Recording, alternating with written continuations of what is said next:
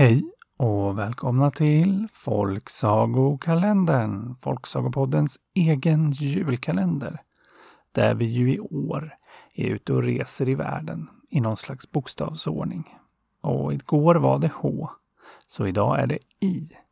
Och då blir det Indien.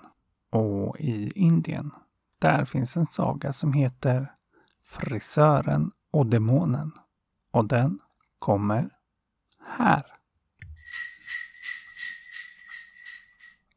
Det var en gång en frisör som inte alls tyckte om att jobba. Nej, han var faktiskt fasligt lat. Mest satt han och tittade in i sin lilla spegel och kammade sig själv med sin kam. Och eftersom han sällan jobbade så hade han inte mycket mer än den där spegeln och den där kammen. Men det gjorde inte honom så mycket. Han tyckte nämligen väldigt mycket om sin egen spegelbild. Men om det gjorde ganska mycket att ha en sådär lat son, ja, det var frisörens gamla mamma. Som frisören fortfarande bodde hemma hos.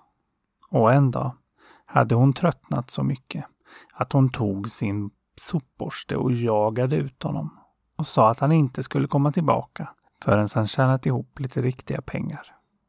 Ja, nu blev det jobbigt för frisören som inte visste vad han skulle ta sig till. Så han började sakta gå ut från staden. Och snart hade han kommit till utkanten av en skog. Och just som han skulle kliva in i skogen fick han syn på en hemsk demon, en så kallad Brahma Rakshasa, som stod där i utkanten av skogen och dansade en vild glädjedans. Ja, nu förstod frisören att han var riktigt illa ute. Brahma Rakshasan skulle kunna ha ihjäl honom på stubben om han ville. Men frisören var kvicktänkt, så han började genast också dansa. Han dansade med Brahma Rakshasan en ganska lång stund, tills de båda stannade. Och demonen frågade Varför dansar du? Men frisören studsade genast tillbaks frågan till demonen. Jag dansar för att jag dansar, varför dansar du själv? Och då började demonen att skratta. Jag har väntat på den frågan. Jag dansar för att jag ska äta upp dig. Skrattade demonen och började sakta gå mot frisören. Ja, nu såg det ut som det var kört för honom. Men han var som sagt kvicktänkt, så han stack upp sitt finger för att stoppa demonen och sa Okej, okay, okej. Okay. Om vi ska berätta den riktiga anledningen till varför vi dansar, kan jag börja väl berätta varför jag dansade då. Det är nämligen så att kungens son, den lille prinsen, har blivit svårt sjuk. Och för att göra honom frisk så behövs blodet från 101 Brahmarakshasas. Och jag har precis dödat min hundrade och tagit hans blod. Och nu fick jag syn på dig, min 101 och då blev jag förstås väldigt glad och tänkte dansa en liten segerdans innan jag tömde dig på blod. Ja, kungen har nämligen lovat halva sin förmögenhet till den som kan göra prinsen frisk igen. Och nu är den snart min. Ja, och det här fick faktiskt demonen att stanna en liten stund och fundera. Men sen sa han. Hur ska du kunna besegra mig? Och så började han gå igen. Och nu var frisören tvungen att vara så där snabbtänkt igen. Så han stoppade ner handen i fickan. Ja, för vad annat skulle han göra? Och där fick han tag i spegeln. Och det var väl tur. För nu blev tanken så där snabb igen. Och han drog upp spegeln och höll upp den framför demonen och sa Med den här tänker jag besegra dig. Den har redan fångat in 100 Brahmarakshasas så den kommer nog inte ha något problem med att dig heller ska du se. Den fångar nämligen en demons själ hur lätt som helst. Skulle den där, sa demonen som nu blivit ännu mer tveksam. Det tror jag inte. Men då vände frisören spegelglaset rakt mot demonen som ju fick se sig själv där inne. Ja, ser man på, du är visst redan infångad. Jag har din själ här inne nu, sa frisören. Och nu blev faktiskt demonen riktigt rädd. Nej, nej, snälla släpp lös mig, jag ska inte äta dig. Sa han. Men nu såg frisören sin chans. Ja, jag skulle ju kunna släppa dig, men då blir jag av med halva kungens förmögenhet. Det vill jag förstås inte. Han visste ju nämligen att Brahmarakshasas, de var mycket, mycket rika. Men det är klart att om du skulle kunna ge mig motsvarande summa pengar, ja, då skulle jag ju kunna släppa dig.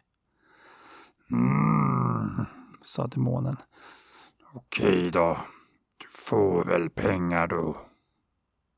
Och så tultade han surt iväg och kom tillbaks med fyra tunnor fulla med guld och juveler. Det här borde väl räcka? sa han. Ja, och det gjorde det nog, tyckte frisören. Det här var ju mycket mer än han någonsin sett i hela sitt liv. Och han skulle kunna leva på det här utan att behöva röra ett finger i resten av sitt liv. Men när han fått en sån här bra deal, då var det ju synd att släppa den. Så han förklarade för demonen att han ännu inte var befriad och fick honom att bära hem de nya rikedomarna hem till honom och hans gamla mamma. Ja, men han tog inte med sig demonen ända in förstås, utan sa att där inne hade han sina allra farligaste verktyg som kunde tömma en Brahmarakshasa på blod på bara några sekunder och att han därför aldrig fick komma dit. Ja, för frisören ville ju inte att hans mamma skulle se att han hamnat i lag med en demon. Då skulle hon nog ta fram sopborsten igen. Och det ville han inte. Utan henne visade han bara sina nya rikedomar. Och för dem så köpte han bland annat stora mängder land. Men på dem måste man ju plantera och det var ju jobbigt. Så han kallade till sig demonen och sa Så åt mig på alla de här landbitarna jag har köpt. Och demonen försökte protestera, men då viftade bara frisören med spegeln. Och så sådde demonen. Och när alla grödor vuxit upp och det var dags för att skörda, ja, då var det återigen demonen som fick börja jobba. Men när han stod där och slet med att skörda ris så kom en annan demon gående och skrattade åt honom. Vad gör du? Varför jobbar du åt en människa? Och demonen fick förklara att det var ingen vanlig människa.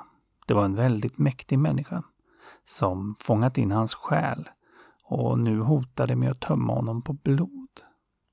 Men det här tyckte den andra demonen lät urfånigt.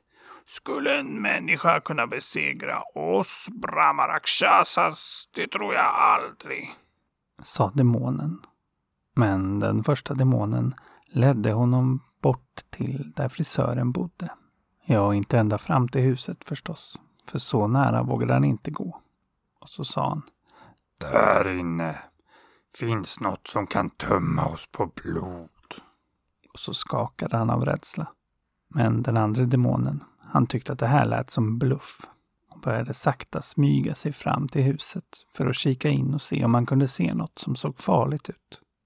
Det var bara det att alldeles innan han börjat smyga fram till huset så hade en katt hoppat in genom ett fönster och försökt sno en av fiskarna som skulle vara till middagen. Och frisörens gamla mamma var mycket upprörd på den här tjuvaktiga katten. Så hon hade tagit fram sin största köttkniv och stod nu beredd vid fönstret ifall katten skulle komma tillbaks. Så, när demonen kom fram till fönstret och försiktigt stack in sin näsa för att kunna se vad som fanns där inne så swash svingade frisörens gamla mamma sin stora köttkniv och skar av tippen på demonens näsa. Och han skyndade sig skrikande därifrån. Du hade rätt. Aj, aj, aj, aj, aj. Sa den andra demonen och försvann långt, långt bort därifrån. Och den första demonen han förstod nu ännu mer att allt var sant och fortsatte att skörda ris.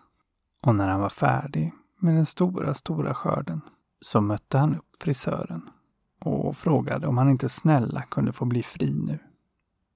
Och nu var det så att frisören faktiskt precis träffat en tjej Och dessutom var han ju så rik så nu kunde han anställa hur många tjänstefolk han ville.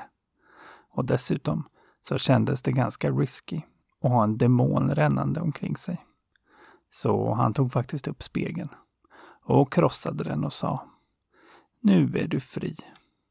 Och demonen, han sa ett snabbt Tack så mycket. Och sen satte han av så fort han bara kunde åt samma håll som den andra demonen. Och ingen av dem syntes till något mer. Och vad jag vet så lever frisören, hans fru och hans gamla mamma fortfarande ett gott liv där borta. Ja, det enda som är lite konstigt var den där demonnästippen de hittade i köket en gång.